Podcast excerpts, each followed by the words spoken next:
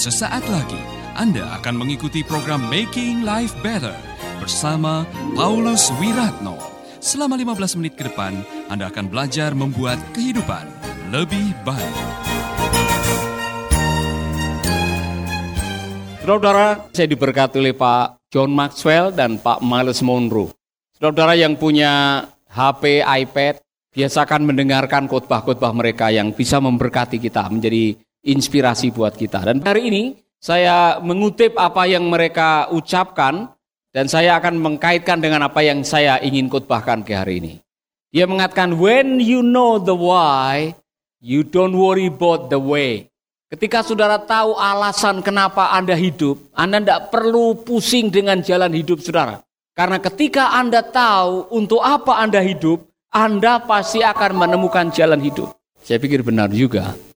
Kenapa? Oleh karena Allah menciptakan segala sesuatu dengan the why, dengan alasan. Semua yang diciptakan oleh Allah di belakang penciptaan ada sebuah rencana yang besar. Semua diciptakan untuk sukses. Katakan, semua diciptakan untuk sukses. Berfungsi sebagaimana seharusnya. Itulah sebabnya. Orang yang sudah menemukan maksud hidupnya adalah orang yang sukses. Saya mengingatkan saudara, definisi sukses menurut Pak John Maxwell, orang sukses adalah orang yang sudah menemukan tujuan hidupnya. Yang kedua, memaksimalkan potensi hidupnya. Yang ketiga, menebar kebaikan sepanjang jalan hidupnya. Jadi kalau saudara sudah menemukan maksud tujuan hidup saudara atau the purpose of life, saudara tidak perlu pusing nanti mencari bagaimana saya hidup karena saudara sudah tahu, ya kan? Ikan diciptakan untuk bisa berenang di dalam air. Itu rencana Tuhan untuk ikan. Maka Anda tidak perlu memaksa ikan untuk berenang. Ikan lahir langsung bisa berenang. Memang ikan diciptakan untuk bisa berenang. Iya kan? Burung diciptakan untuk bisa terbang. Maka anak-anak burung tidak perlu kursus terbang. Mereka sudah bisa terbang oleh karena memang diciptakan untuk terbang. Anda diciptakan Efesus 2 ayat 10. Maka sebelum Anda bisa memenuhi Efesus 2 ayat 10, Anda belum sesuai dengan maksud dan rencana Allah dalam hidup ini.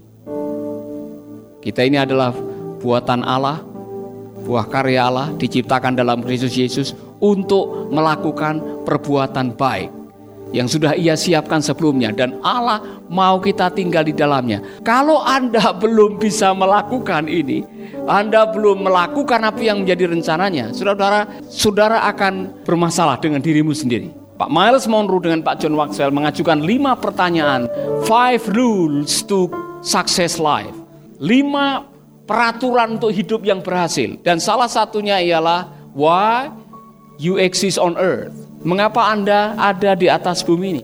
Mengapa Anda ada di atas bumi ini? Kalau Anda masih bingung dengan why, kemungkinan saudara akan sulit menemukan the way. Kalau saudara belum tahu menemukan alasan mengapa saya hidup, kemungkinan saudara akan bingung dengan untuk apa kita hidup. Amin. Untuk apa saudara hidup di dunia ini?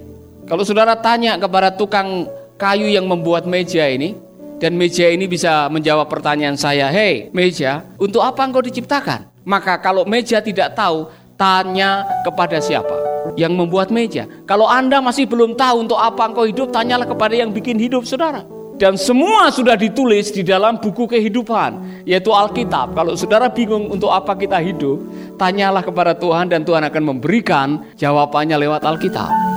Saudara-saudara, orang yang paling celaka di dunia ini bukan orang yang mati, bukan orang yang gagal. Orang yang paling naas di dunia ini bukan orang yang kerasukan setan atau orang yang sudah lama menantikan untuk bisa tembus togel, tidak menembus apa tidak dapat keberuntungan dari togel. Orang yang paling celaka di dunia ini orang yang hidup tapi tidak tahu tujuan hidupnya.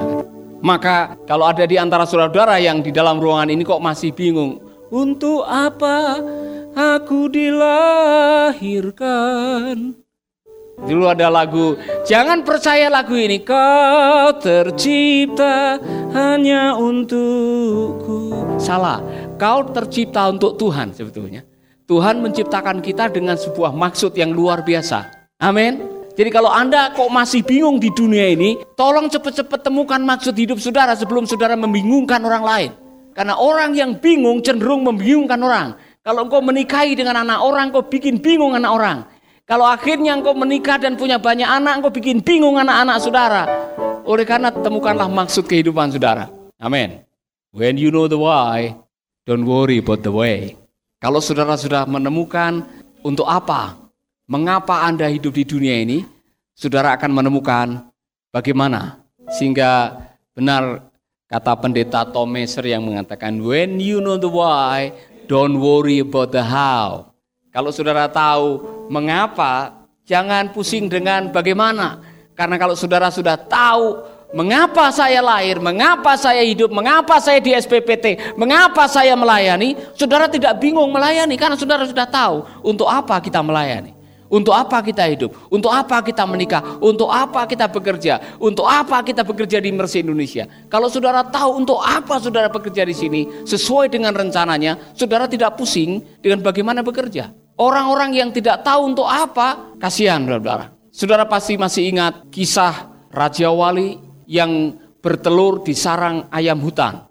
Jadi tidak tahu bagaimana dia lupa itu bukan sarangnya, dia bertelur di sarangnya ayam hutan. Sehingga pada waktu telur itu menetas bersama dengan anak-anak ayam hutan yang lain, maka kutuk, tahu kutuk, kutuk itu anak ayam, anak Raja Wali ini dibesarkan seperti ayam hutan. Makan seperti ayam hutan, pikir seperti ayam hutan, gaya hidupnya seperti ayam hutan. Dan suatu ketika setelah dia menjadi agak besar, dia keluar bermain dengan saudara-saudara angkatnya. Ini anak Raja Wali yang merasa dirinya ayam hutan, menengok ke atas. Kemudian melihat ada Raja Wali yang gagah perkasa terbang di udara. Dalam hatinya dia pikir, seandainya saya bisa terbang seperti Raja Wali. Alangkah indahnya hidup ini. Kemudian dia cerita kepada saudara-saudara angkatnya. Cita-citaku suatu saat saya ingin terbang seperti Raja Wali. Teman-temannya bilang, saudara-saudara bilang, hei jangan mimpi kau. Kamu anak ayam hutan. Kamu makan seperti ayam hutan. Kamu hidup seperti ayam Kamu ayam hutan. Anda masih bersama Paulus Wiratno di Making Life Better.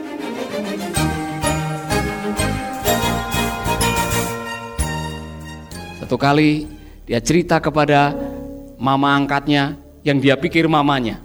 Mama, satu kali saya punya cita-cita pengen terbang tinggi. Saudara, Raja Wali bisa terbang tinggi. Ayam hitam hanya bisa terbang 3 meter dari tanah. Waktu dia bercerita kepada mama angkatnya, saya pengen sekali menjadi burung Raja Wali terbang tinggi di angkasa. Mama bilang, hei kamu anak ayam hutan.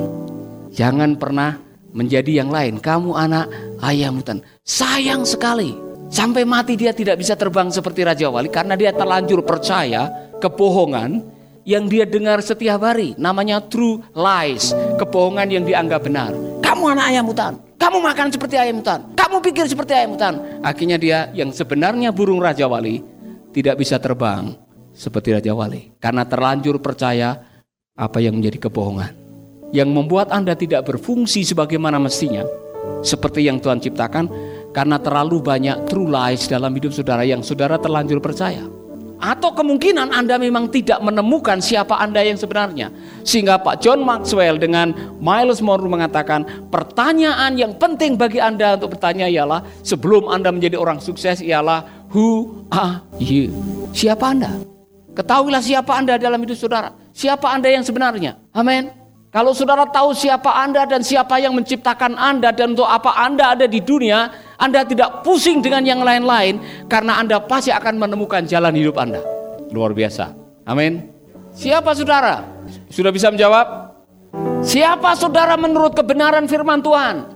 Aku adalah umat kepunyaan Allah, bangsa yang kudus, imamat rajani. Ini jati diri yang sebenarnya. Kalau saudara tidak tahu siapa Anda, saudara, saudara tidak akan pernah maksimal menjadi seperti apa yang seharusnya Anda. Itulah sebabnya di dalam perjalanan kehidupan kita, cara Tuhan untuk menolong kita menemukan siapa kita yang sebenarnya, Tuhan sering kali mengajari para muridnya dalam petualangan hidup. Karena di sanalah Tuhan ingin supaya kita berkembang menemukan kita siapa yang sebenarnya. Amin. Saya terinspirasi oleh beberapa kisah di Alkitab. Ini pertanyaan orang gila sebetulnya. Tapi kadang-kadang perlu ditanyakan karena cara kita untuk menjadi maksimal ialah mengajukan pertanyaan. Dan Yesus menggunakan banyak pertanyaan. Menurut orang banyak siapakah aku ini? Jati diri. Yesus sering mengajukan pertanyaan dan saya sekarang mengajukan pertanyaan kepada saudara-saudara. Saudara tahu bahwa Tuhan Yesus pernah mengajak para muridnya melewati danau hanya untuk satu orang gila? Dan di tengah danau itu ada angin ribut. Dan akhirnya para murid pada berteriak, Guru kami mau tenggelam, kami mau binasa. Saya mau tanya, kira-kira Tuhan Yesus tahu atau tidak bahwa nanti akan datang angin ribut? Yesus ingin membuktikan atau ingin mengetahui kualitas iman para muridnya. Karena buat Tuhan Yesus ada kalimat mengatakan begini. God is more interested in your maturity than your happiness. Tuhan lebih tertarik kepada kedewasaan iman saudara daripada kebahagiaan saudara. Itulah sebabnya Tuhan izinkan mereka melalui angin ribut dan sedikit membiarkan mereka berteriak-teriak, panik, tetapi setelah itu mereka tahu pengalaman iman yang akan mengalami pertumbuhan. Saya yakin sekali di akhir peristiwa itu ada kalimat ini, siapakah gerangan orang ini? Sehingga angin ribut saja bisa diteduhkannya. Yang sebelumnya mereka berteriak, Guru, kami mau binasa, Guru. Dan Tuhan mengajukan pertanyaan, mengapa kamu takut? Di manakah imanmu? Tuhan lebih tertarik kepada iman saudara daripada kebahagiaan saudara. Amin. Tuhan mengajukan pertanyaan, why? Mengapa kamu takut. Karena kalau kita sudah tahu alasan untuk apa kita hidup dan mengapa kita diizinkan menghadapi semuanya ini, kita tidak akan pernah takut lagi menghadapi tantangan kita karena setiap tantangan ujung-ujungnya akan memberikan kepada kita kedewasaan iman. Kalau kita mau belajar. Amin. Hari Minggu kemarin saya diberkati oleh khotbahnya Pak Yohanes mengenai Tuhan Yesus yang mengunjungi para muridnya ketiga kali menampakkan diri di pinggir pantai. Dan dia bertemu dengan Petrus dengan kawan-kawannya yang pulang kampung. Saudara-saudara, ketika Yesus bertanya kepada mereka bahwa mereka semalam-malaman tidak mendapatkan ikan dan mau makan tidak ada ikan dan sebagainya, Yesus meminta Petrus untuk bertolak dan menebarkan jalannya. Pertanyaan saya, bisakah Tuhan Yesus menyuruh ikan itu melompat ke dalam perahunya? Bisa atau tidak? Kenapa Tuhan Yesus minta Petrus untuk berlabuh ke tempat yang lebih dalam kemudian menebarkan jalannya? When you know the why, don't worry about the way. Kalau Tuhan Yesus bisa mendatangkan mana dari surga, kenapa menyuruh para muridnya untuk memberi makan mereka? Kalau Tuhan Yesus bisa membuat ikan melompat ke dalam perahunya, kenapa dia harus berlabuh dan membuang jala? Karena Tuhan mau melihat sebuah ketaatan dan keyakinan diekspresikan dalam tindakan. Amin. Kira-kira Tuhan tahu enggak bahwa saudara sedang menghadapi kekurangan? Kenapa Tuhan tidak memerintahkan uang-uang itu masuk ke dalam dompet saudara? Kenapa? Karena Tuhan mau kita harus melakukan bagian kita. Kerja. Karena untuk itulah kita diciptakan menjadi manusia yang bekerja. Makanya Alkitab mengatakan yang jarang bekerja, yang suka menganggur, yang malas, jangan makan. Katakan amin. Haleluya. Saudara-saudara, kebenaran-kebenaran itu akan menolong kita mengevaluasi untuk apa kita di dunia ini. Saya menemukan di khotbahnya Pak Miles Monroe dengan Pak John Maxwell, dia mengatakan ketika kita sudah tahu siapa kita dan kita tahu untuk apa kita ada di dunia, kemudian kita menemukan where are you going, ke mana arah hidup kita, saudara akan menemukan yang namanya sukses. Tetapi sukses saja tidak cukup, karena sukses lebih berorientasi kepada diri sendiri. Tapi untuk menemukan makna hidup, saudara harus menggunakan sukses untuk orang lain. Karena significance itu ditemukan atau makna hidup ditemukan pada waktu kita menggunakan sukses untuk memberkati orang.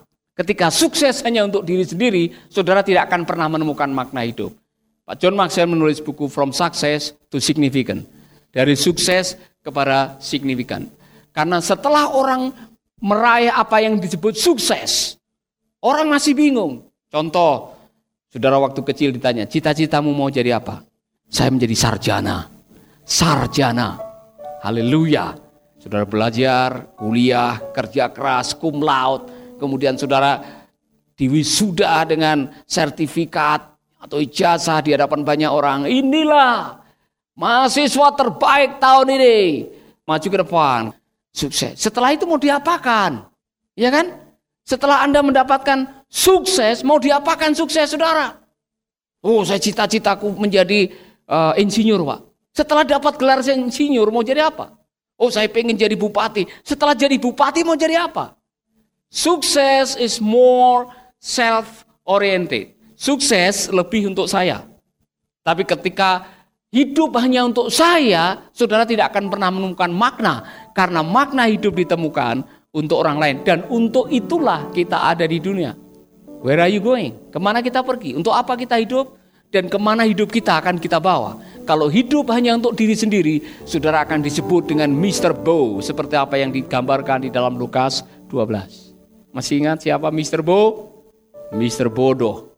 Hidup hanya untuk diri sendiri, memuaskan diri sendiri, memuliakan diri sendiri, mengumpulkan untuk diri sendiri, dan pada akhirnya dia tidak bisa menemukan arah hidupnya ke mana.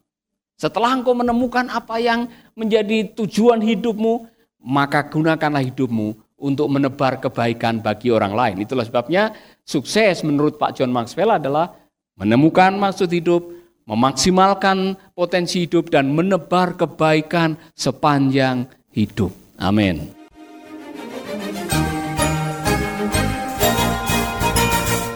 Baru saja Anda mendengarkan Making Life Better bersama Paulus Wiratno. Jika Anda diberkati, kirimkan kesaksian Anda ke Radio Dian Mandiri Jalan Intan LC2 Gang 4 Nomor 1 Denpasar, Bali. Kunjungi website kami di www.pauluswiratno.org, Facebook Paulus Wiratno. Hubungi kami di 081 338 665500 Sekali lagi 081 338 665500. Terima kasih, Tuhan memberkati. Bye.